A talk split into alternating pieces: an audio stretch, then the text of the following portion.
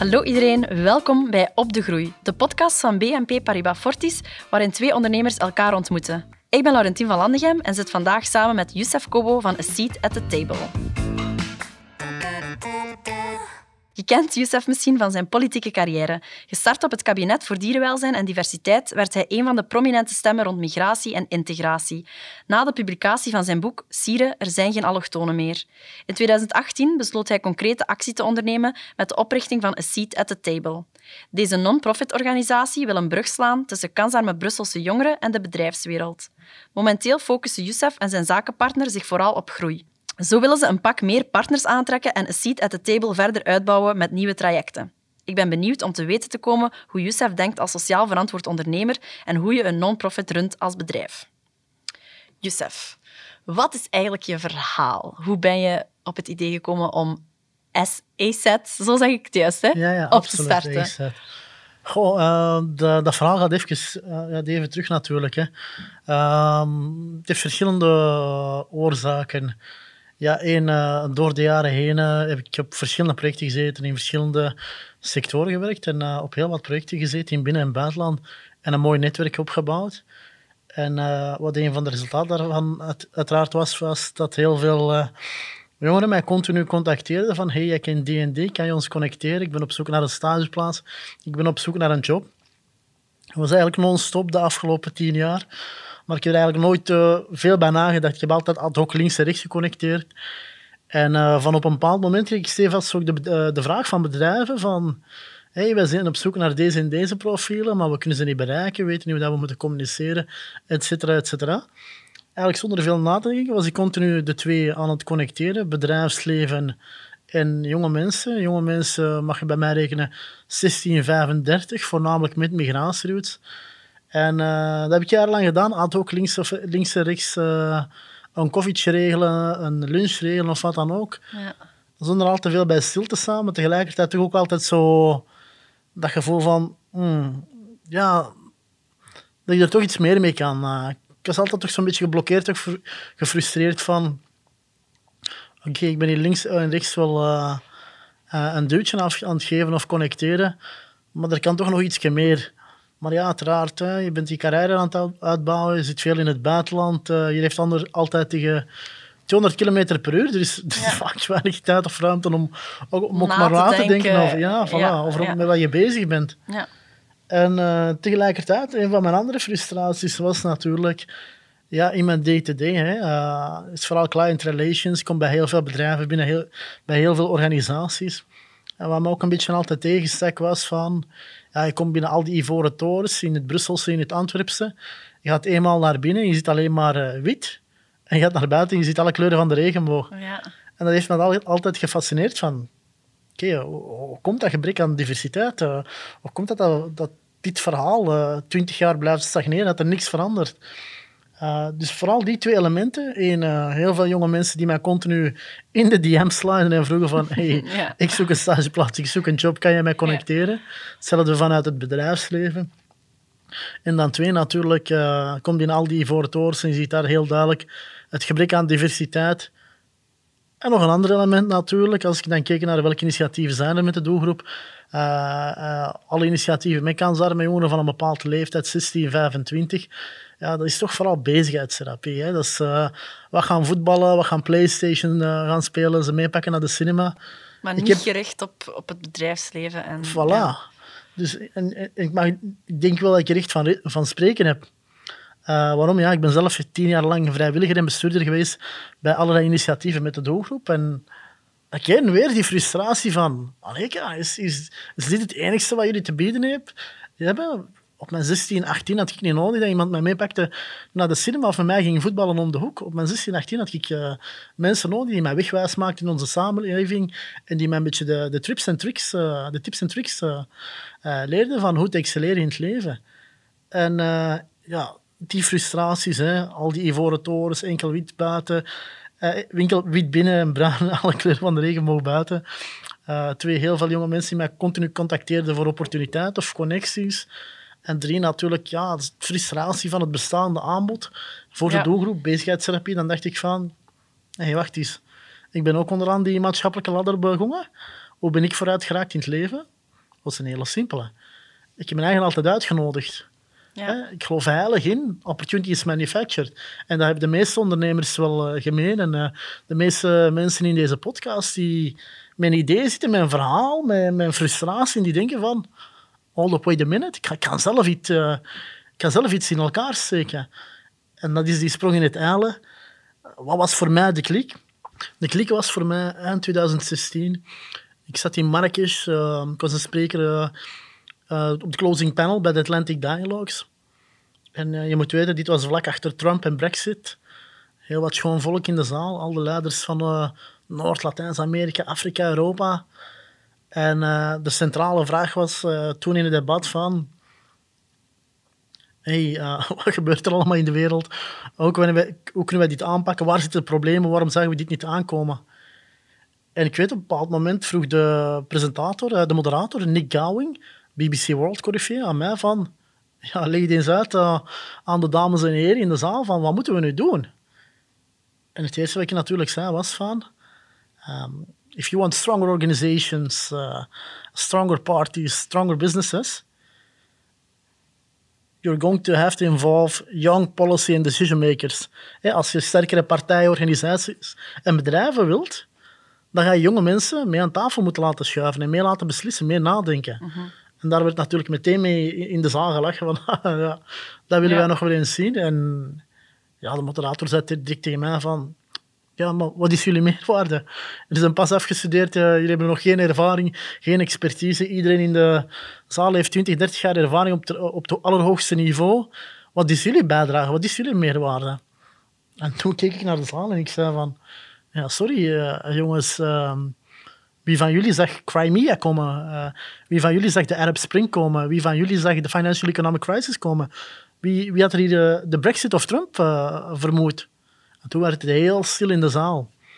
En plots zei een van mijn koopanalisten: If they don't give you a seat at the table, bring a folding chair.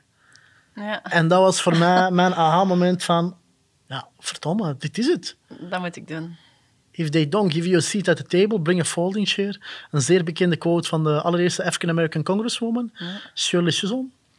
En dat was ook vaak, eh, bleek ook vaak uit die gesprekken met jongeren die tegen mij zeiden van ja, ik vind niks, ik weet mijn weg niet. En als je dan gaat doorvragen van ja, wat heb, je al- wat heb je al geprobeerd? Hoeveel mensen heb je al gestuurd, gemaild, wat dan ook? Was dat vaak niets. Nee. Omdat ze van in het begin al zo geblokkeerd zijn eh, met hun eigen en een gebrek aan zelfvertrouwen hebben en, en niet durven, omdat ze echt zo denken van ja, niemand doet mij in deze samenleving. En waar Ja. ik steeds het verhaal bracht van ja, jongens, niemand heeft het voor mij gedaan. Ik heb ook moeten, hard Ja, moeten knok, knokken, vechten, afzien. Hetzelfde met de gemiddelde ondernemer. Die start iets en die weet ook heel lange tijd niet wat hij aan het doen is, maar die blijft gewoon vechten. Mhm. En hoe langer dat je blijft vechten, hoe vroeg of laat eh, begint het resultaten op te leveren. Dus voor mij plots kwam die quote uit het, quo- quote uit het niets. Maar het was een quote die mij in actie Ja. eh, bewoog. Ja. eh, tot actie bewoog. If they don't give you a seat at the table, bring a folding Ja. chair. Dat was mijn klik. Hey guys, ik ga terug naar België. Ik ga een nieuw platform oprichten. Ik ga jong talent connecteren met het bedrijfsleven. Ik ga, me, ik ga iedereen tussen 16 en 35 is meer dan welkom. Migratieroutes, geen migratieroutes. Hoogopgeleid, laagopgeleid, alle achtergronden, alle socio-economische achtergronden. Ik wil gewoon jong talent voortstuwen. Ik had tegen dan al een groot adresboekje. Dus ik kon links en rechts wel een paar dingen betekenen voor jonge mensen, maar ik wou het nu structureel, structureel uitbouwen. En again, het klassieke verhaal van de gewoon een hunch, hè, gut feeling. Het Ja, geen tuurlijk, ja. flauw idee wat je aan het Nee. doen bent als je met zo'n verhaal begint. Ik, ik, Ja. ik was terug in België. Ik begon één voor één al mijn contacten eh, te benaderen. Hey, binnenkort koffie. Eh, ik heb een idee. Ik heb uw steun nodig. En dat heeft, ik heb in totaal samengezeten met 300 bedrijven, instellingen, organisaties. Ja. Eh, op anderhalf jaar tijd. En dan uiteraard nog de fundraising. En waarom heeft dat zo lang geduurd? Waarom heb ik zoveel bedrijven en organisaties gezien? Ja, mijn eerste idee was natuurlijk eh, een beetje gestoord voor de mensen. Wat was mijn verhaal? Hey, al die toffe evenementjes en dat gaan voetballen en cinema in de eigen quartier, in de eigen wijk. Tof, heel leuk. Dat, dat heeft een meerwaarde, vrije tijdsbesteding. Maar de essentie, Wat brengt het voort? Ja. vooruit te geraken in het leven. Ja. Hoe krijg je mensen omhoog op die sociale opwaartse ladder? Eh, mobiliteit, hoe faciliteer je dat? Twee zaken voor mij. Arbeidsmarkt en onderwijs. Al de rest daar rond is bezigheidstherapie, wat mij betreft. Heel streng, heel hard. Ja. Daar is in het begin heel hard mee gelachen van... Ja, maar die jongeren, wat ga je met die jongeren doen binnen deze bedrijven? Wat was mijn pitch in het begin? Nog steeds. In plaats van in de eigen wijken te blijven en ze alleen maar met hun eigen peers te omringen, waardoor dat je zero growth eh, Ja. creëert, genereert. Breng ze op andere plaatsen, Voilà. andere mensen. Ja. Hoe ben ik vooruit geraakt in het leven? Ik wist niks.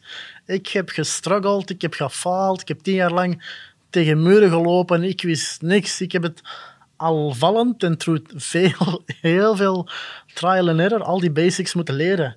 En ik dacht van, hé hey, jongens en meisjes, ik heb hier wat geleerd, ik ken hier wat mensen en ik ga jullie gewoon connecteren. Ik ga jullie een beetje mijn best practices en eh, ideeën meegeven. Ik kan er wat talentvolle mensen opzetten en we gaan zien waar het ons brengt. Ik weet nog, eh, mijn pitch in het begin, enorm mee gelachen. Hey, al onze evenementen gaan we met het bedrijfsleven doen, binnen het bedrijfsleven en altijd met de leidinggevende. Ik zei dus, wij willen alleen maar de CEO, wij willen alleen maar de DG, de, alleen maar de generaal, de ambassadeur, de eurocommissaris, wat dan ook. En iedereen verklaarde mij natuurlijk in het begin voor, eh, voor gek. Ah, dus jij wilt en de grootste bedrijven, instellingen, organisaties, dag en nacht. En je wilt ook nog eens alle leidinggevenden, enkel de CEO's enzovoort.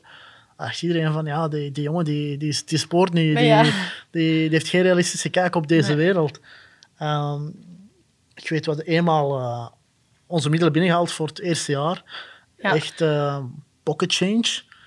En eh, ik kwam voor een jury die moest beslissen van, eh, of dan ze ons project gingen goedkeuren of niet. En hun eerste feedback was van...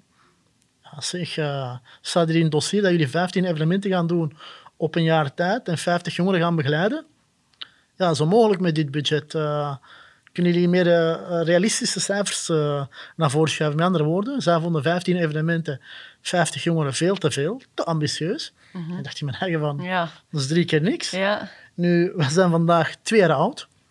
De ambitie was in dat dossier dat we toen hadden neergepend voor drie jaar, om in het tweede jaar aan 100 jongeren te zitten en 30 evenementen. We zijn vandaag twee jaar oud. Nog altijd een pocket change budget, kleingeld. Ja. En we hebben op die twee jaar een kleine 400 evenementen georganiseerd. Met 420 high-level sprekers. Ja. We hebben 3000 leden over heel Vlaanderen en Brussel. En we hebben een kleine 800 bedrijven in de in-kind partnerpool. Dus met andere woorden, we zijn omnipresent, we zijn spectaculair ehm, gestegen en we krijgen op een slechte week, op een slechte week krijgen wij 20, 30 vragen vanuit het bedrijfsleven om samen te zitten. Ja. Dus het is gewoon spectaculair ges- eh, gegroeid. Waarom? Omdat we in het begin eh, de guts hadden en waarschijnlijk ook vooral de naïviteit van hey, nee, wij zien het groot, wij gaan springen. Wij willen alleen maar CEO's, wij willen alleen maar de, de grote bedrijven en organisaties. Ja. En in het begin heel hard do- doorgeduwd en vooral het eigen netwerk gebruikt. Eh, maar op een bepaald moment krijg je een momentum en beginnen mensen te volgen. De mensen die in het begin geen tijd voor je hadden, die zeggen van... Oh, Oh, dat, is, Ja, ja. Ah, dat is hier toch iets aan het eh, worden, hè? Van, eh, zeg, kom je nou eens een keer langs? Want allee, Ja. aan een bepaald moment begint dat gewoon een tempo te krijgen dat je het gewoon niet meer kunt bijhouden. We zitten elke dag in survival-modus. Ja. In de zin van, er komt te veel op ons af. Opportuniteiten, aanbiedingen, vragen, et cetera. Ja. En eh, dat geeft me gewoon enorm veel voldoening. Dat jong talent vooruitstuwen. Ja. Eh, die opportuniteiten geven, ze overal binnenkrijgen. Wij doen drie zaken met hun. Eén, we openen deuren voor hun. Twee, we geven ze een push. En drie, we geven ze verantwoordelijkheid. Dat zijn volgens mij de drie elementen dat je nodig hebt Om om, te te, excelleren, en- om te slagen, Ja. om te groeien in het leven. Niet alleen als ondernemer, maar ook als, als mens. Ik vind het een hele mooie visie dat je echt eh, mensen helpt om hun plek op te eisen in deze wereld. Want dat is eh, zo belangrijk. En inderdaad, zeker voor mensen met een migratieachtergrond, begrijp ik ook dat het, dat is altijd nog...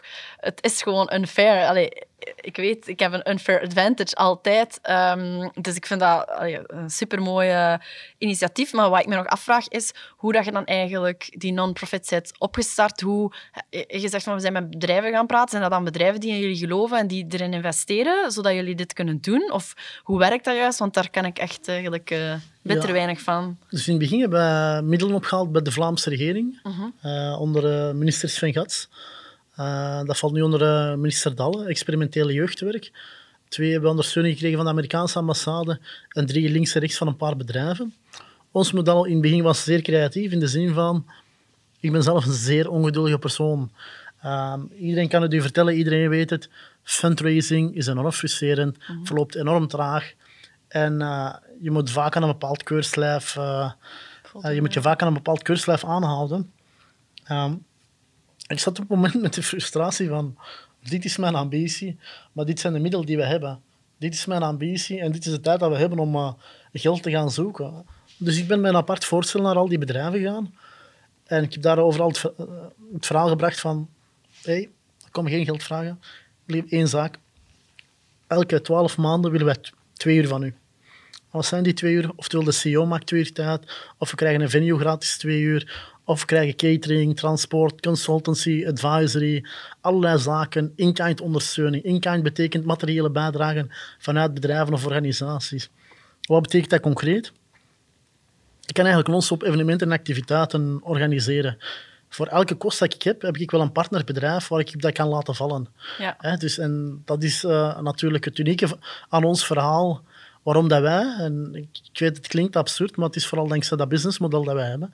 Wij kunnen gemiddeld twintig keer meer evenementen en activiteiten organiseren op een jaar tijd dan gelijkaardige initiatieven met twintig keer ons budget. Gewoon door de contacten en de... Dus ja, uh, zoals Peter Hinsen altijd zegt, the network always wins. Dus ook een deel van het verhaal dat wij willen brengen aan, jongeren is van netwerk is heel belangrijk. Mhm. Dus het is een deel what you know, maar heel vaak is het niet what you know, but who you know. Ja. BNP Paribas Fortis heeft start advisors voor beginnende ondernemingen. Heb jij bij de opstart van ASET u ook laten begeleiden? Of heb je eigenlijk uh, zelf alles... Uh, Zeer goede vraag. um, ik heb in het begin heel veel rondgelopen, maar wel een paar belangrijke klankborden vanuit het bedrijfsleven. Uh, mensen die ik kende, gevraagd voor, voor advies. De, de Peter de Keizers, de Geert Noolsen, de Jan de Nijssen, de Elke Jurissen. Met het verhaal van, hey, ik ga binnenkort dit beginnen. Um, wat denken jullie daarvan? Is dat haalbaar? Is dat realistisch? Is dat serieus? Hoe moet ik dat doen? Want ja, je bent voor de eerste keer aan zo'n soort project, aan een ambitieus project. En um, ja, een van de belangrijkste dingen die ik jonge mensen altijd meegeef, start-uppers, studenten, jonge mensen, zoek feedback. Mm -hmm. Zoek feedback. Oh, zo belangrijk. Zoek klankborden, zoek mentoren. Waarom?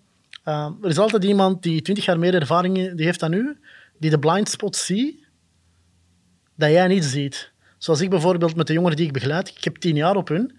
Ik zie ze vandaag de dag heel veel van de fouten maken uh, die, die ik zelf vroeger maakte. Ja. En ik probeer hun aan te geven van... Hey, uh, ik zou dat zo niet doen. Ik zou investeren in mijn studie. Ik zou uh, daar weg van blijven. Daar moeten zeker bij betrokken zijn. Heb je deze al geprobeerd? Je moet eens met die gaan spreken. Deze, dat werkt niet, et cetera. En je ziet heel vaak van hoe jonger, hoe minder geneigd dat we zijn om feedback aan te nemen. Ik heb pas op mijn 27, 28 geleden uh, feedback Luisteren. aan te nemen, kritiek. Ja. Ja, Als je jong bent, heb je weinig ervaring en uh, is het vooral een ego-ding. Je denkt van, oh, ik ben hier jong en briljant en ambitieus en gedreven en wat, wat komt jij me hier vertellen? Ja. En dan met ouder worden, dus al die zaken dat mijn klankborden in het bedrijfsleven mij al die jaren zeiden, uh, in alle lunchjes en koffietjes, zijn gewoon zaken die één voor één uitkomen. Dus één van, daar moeten we van wegblijven. Dat zou ik niet doen. Probeer het zo. Heb daar al eens aan gedacht. Heb dat businessmodel al eens uitgeprobeerd. Hoe zit het met je raad van bestuur, et cetera. Al die checks en balances. En als je jong bent, dan, dan haal je je schouders op en je bent ongeduldig en je wilt gewoon starten. Maar er is gewoon een reden waarom dat zij staan waar dat zij staan. Tuurlijk, ja. Dus, uh, en dus van een bepaalde leeftijd heb ik gewoon geleerd van zwijgen, goed luisteren. Binnen Seat at the Table creëren wij continu nieuwe spin-offs, partnerships, grotere projecten, kleinere projecten, etc. Allereerste dat ik ga doen, hè, ook met de opstart van mijn nieuw bedrijf. Ik heb uh, recent een nieuw bedrijf opgericht, uh, een consultancybureau, waar dat we bedrijven uh, helpen met hun talent en recruitment en diversity and inclusion. Oké. Okay. Ik heb nog nooit zoveel mensen bedrijf, nog nooit zoveel mensen bevraagd. Elk klein aspect binnen ons verhaal.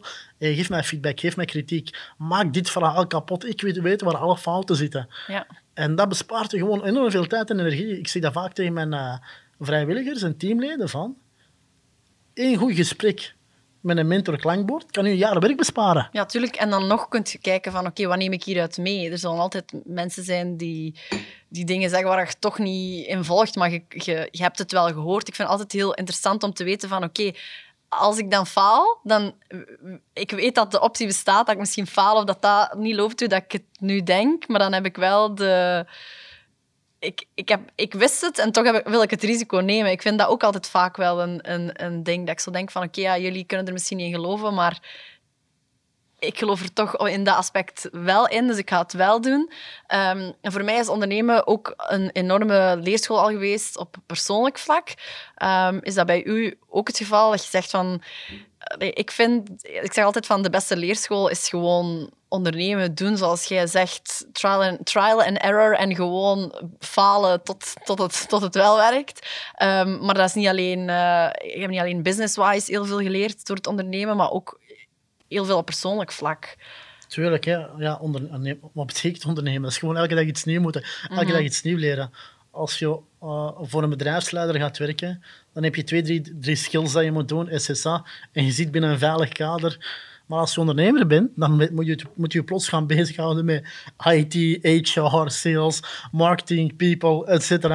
Dus je bent je eigenlijk continu aan het bijschaven. En leert je ook gewoon heel snel wat je kan en wat je niet kan. En net daarom vind ik het zo belangrijk van pakweg een BNP Paribas Fortis, die al die expertise in huis heeft, die, die al decennia lang jonge starters begeleiden. Als dat daar ter beschikking is voor jonge starters, hey, maak er gebruik van. Ja. Uh, niet, niets erger dan twee, drie grote fouten maken in het begin van je verhaal en een jaar of twee jaar verliezen. Of heel veel geld verliezen. Of veel, ja, over, iets, over iets van een gemiddelde expert eigenlijk van in het begin had kunnen vertellen. Ja. En dat is ook wat ik heel vaak heb meegemaakt. Uh, Vaak in mijn pitchen, ik noem het het WK, WK PowerPoint bij mij, in mijn pitchen naar bedrijven, investeerders, et cetera, zei ik zo vaak sommige, sommige uh, domme dingen en zaken waar ik nooit van dacht van, ah nee, dit is de core, dit is waar ze naar luisteren als ABC superbelangrijk is voor een investeerder of een partner, begon ik of over MLK, NOPQ, etc.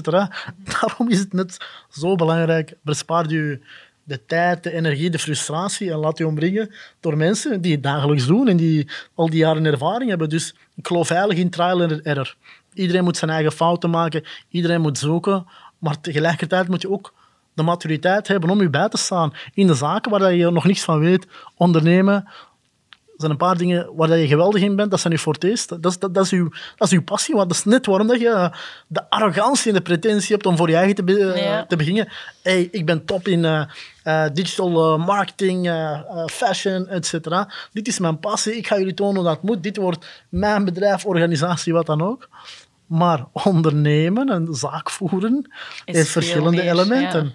En die, je weet gewoon bij het begin niet wat je blind spots zijn. Daarom is het ook zo belangrijk gebruik elke feedback en ondersteuning die je kan gebruiken. Het bespaart je heel veel tijd, heel veel energie en heel veel geld. Ja, het is duidelijk dat je onderneemt met een hoger doel. Um, ik vind zelf duurzaamheid ook superbelangrijk. Uh, maar duurzaamheid gaat natuurlijk verder dan alleen het milieu en ecologie en al dat soort zaken. Um, dat is ook sociaal. BNP Paribas Fortis zet uh, ook heel hard in op duurzaamheid tegenwoordig. Uh, hoe zie jij dat terug in je bedrijf of in je leven? Of, uh... Wel ja, je, je ziet natuurlijk, die geschiedenis is aan het accelereren. Je had de financiële economische crisis, je hebt nu de covid-crisis. Er zijn heel wat omwentelingen. De politieke, economische macht is langzaam maar zeker die decennia, uh, eeuwen tussen de VS en Europa middenin uh, geparkeerd stond, is plots heel snel naar het oosten aan het gaan. Dus eigenlijk alles dat we kennen van ondernemen, maatschappelijk, sociaal, economie, staat onder enorme druk. En daardoor zitten we in een, in een zeer vreemd tijdbestek. Op alles staat druk, alles verandert supersnel en we kunnen het gewoon niet bijhouden. Een van de meest duidelijke tendensen nu in tijden van COVID is natuurlijk van duurzaamheid en innovatie.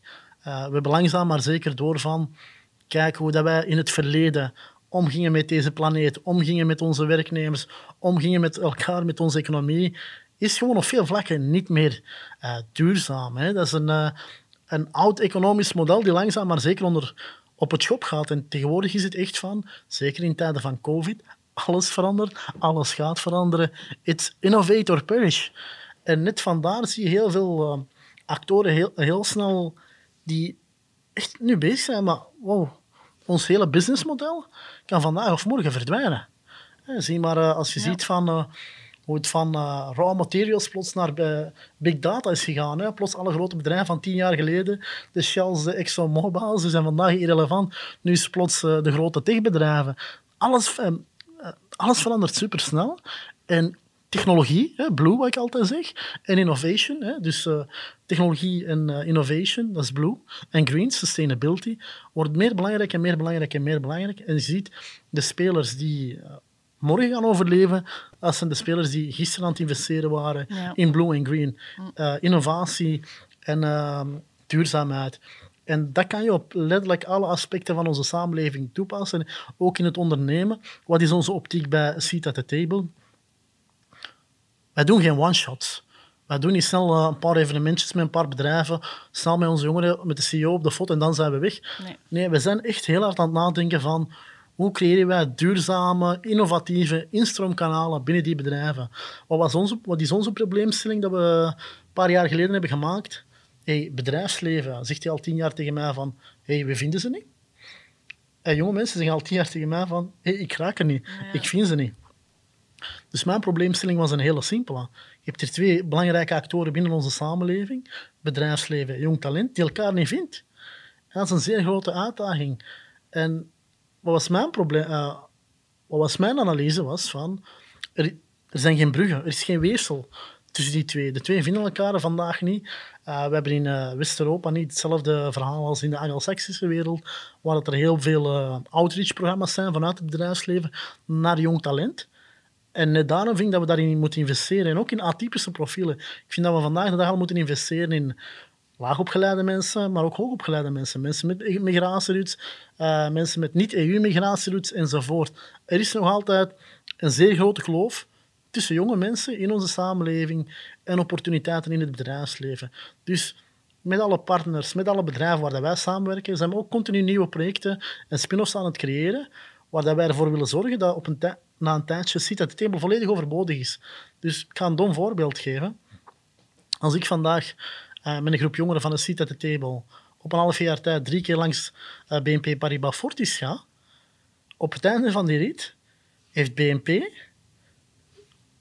en de jongeren ons niet nodig om de twee te connecteren. Mm. dus daarom is volume en snelheid zo belangrijk van ons. Wij zijn heel hard aan het nadenken van hoe kunnen wij de vertaalslag maken tussen die twee partijen. Hoe kunnen wij die twee incentivisen om continu die brug te maken, maar ook dat weefsel intact te houden en verder te verdiepen. Dat zijn wij eigenlijk continu aan het doen. Evenementen, activiteiten, projecten en spin-offs. We werken steeds meer in de diepte op langdurige en meer ambitieuze projecten om die brug te slaan. En na een tijdje is een facilitator zoals de Seat Table compleet overbodig. Dus die duurzaamheid is ook natuurlijk je eigen uh, durven ja. opheffen op de lange termijn. Ja, ja knap. Ehm, ja, ik vermoed dat het dus, uh, super druk is bij jullie met al die uh, groeiplannen. Zijn er ook technologische tools of middelen die jullie gebruiken om het leven makkelijker te maken binnen het bedrijf, maar misschien ook voor u persoonlijk? Ja, natuurlijk. Hè. Je ziet natuurlijk hoe, hoe meer dat je digitaliseert, hoe sneller je je boodschap kan verspreiden, hoe minder werk dat je hebt. Dat is natuurlijk een hele, hele grote omslag. Want we zijn natuurlijk een bescheiden non-profit met bescheiden middelen. Maar we zien wel daar waar we bepaalde processen automatiseren. De inschrijvingen voor de evenementen, het bijhouden van de, van de service voor onze activiteiten, het rechtstreeks connecteren van de leden eh, binnen bepaalde mailinglist en de bedrijven. Uh, maken mij zeer grote gains.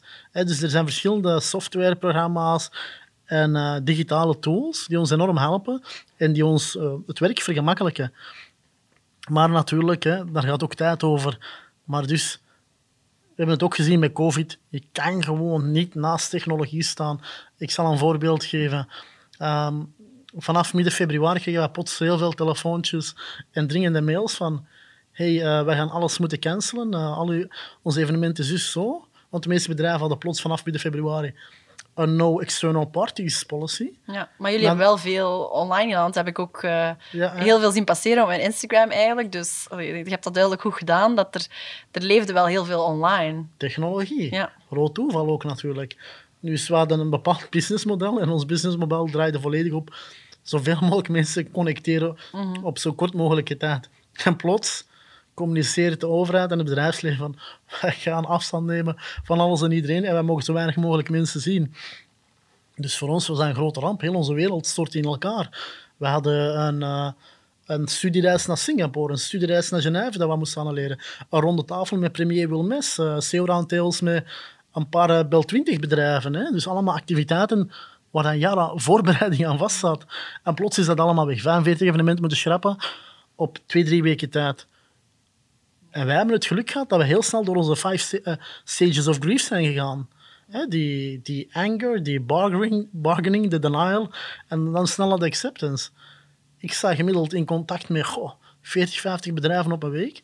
En wat mij fascineerde in het begin van die lockdown was van hoe groter de, hoe groter de instelling, organisaties en bedrijven, niemand had een flauw idee wat, wat was niks wat ze mhm. gingen doen. Mhm. En dat was ineens voor mij de klik van, hé, hey, is, dit is een grote opportuniteit voor de Citatel. Wij gaan snel schakelen.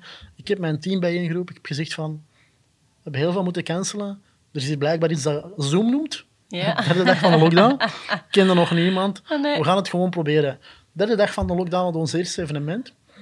En we zagen plots van niemand had evenementen, niemand activiteiten. Dus wij waren continu aan het doorduwen van oh, er is helemaal geen concurrentie. Iedereen, iedereen ligt plat, iedereen ligt thuis Netflix te kijken. En we zijn geëindigd op drie maanden tijd. En wij 200 webinars georganiseerd. Oh. Met 200-tal high-level uh, mensen. Uh, Ministers, CEO's, DG's uit 24 landen. Nog een, een voorbeeld van uh, technologie. Plots hadden wij mensen van uh, Helsinki Commission, US Congress, World Economic Forum, BCG Dubai, wat dan ook, et cetera. Dus technologie, je wordt plots gedwongen om er gebruik van te maken. Innovate or perish dwong ons om iets nieuws te ontdekken. Webinars. We hebben dat gelanceerd. Op drie maanden tijd hebben we 1200 leden bijgekregen. Dus, again, technologie verruimt en verbreedt uw wereld. Ja, en gewoon de opportuniteit nemen. Dat is echt uh, chapeau dat je dat uh, op die manier hebt aangepakt. Oké, okay, eh, Youssef, de laatste vraag. Als er één advies is dat je zou meegeven aan startende jonge ondernemers, wat zou het zijn? Blijven gaan, niet opgeven, non-stop blijven gaan voor die droom. Zoveel mogelijk mensen benaderen, met zoveel mogelijk mensen over je idee, over je project spreken. En voordat je het weet, hoe vaker dat je beweegt, hoe sneller dat je beweegt, hoe sneller dat je gaat landen. Dus gewoon, ik zeg het ook altijd tegen mijn teamleden, springen, gevoelens uitzetten, blijven gaan en dan kom weer. Super bedankt voor het zeer fijne en uh, ook heel interessante gesprek heb er zelf ook van opgestoken, dus uh, bedankt daarvoor. Uh, eh, BNP Paribas Fortis organiseert trouwens ook webinars, dus voor de geïnteresseerden kunnen jullie alles terugvinden op de website. En uh, ja, bedankt en tot de volgende. Voilà, hartelijk bedankt. Dankjewel.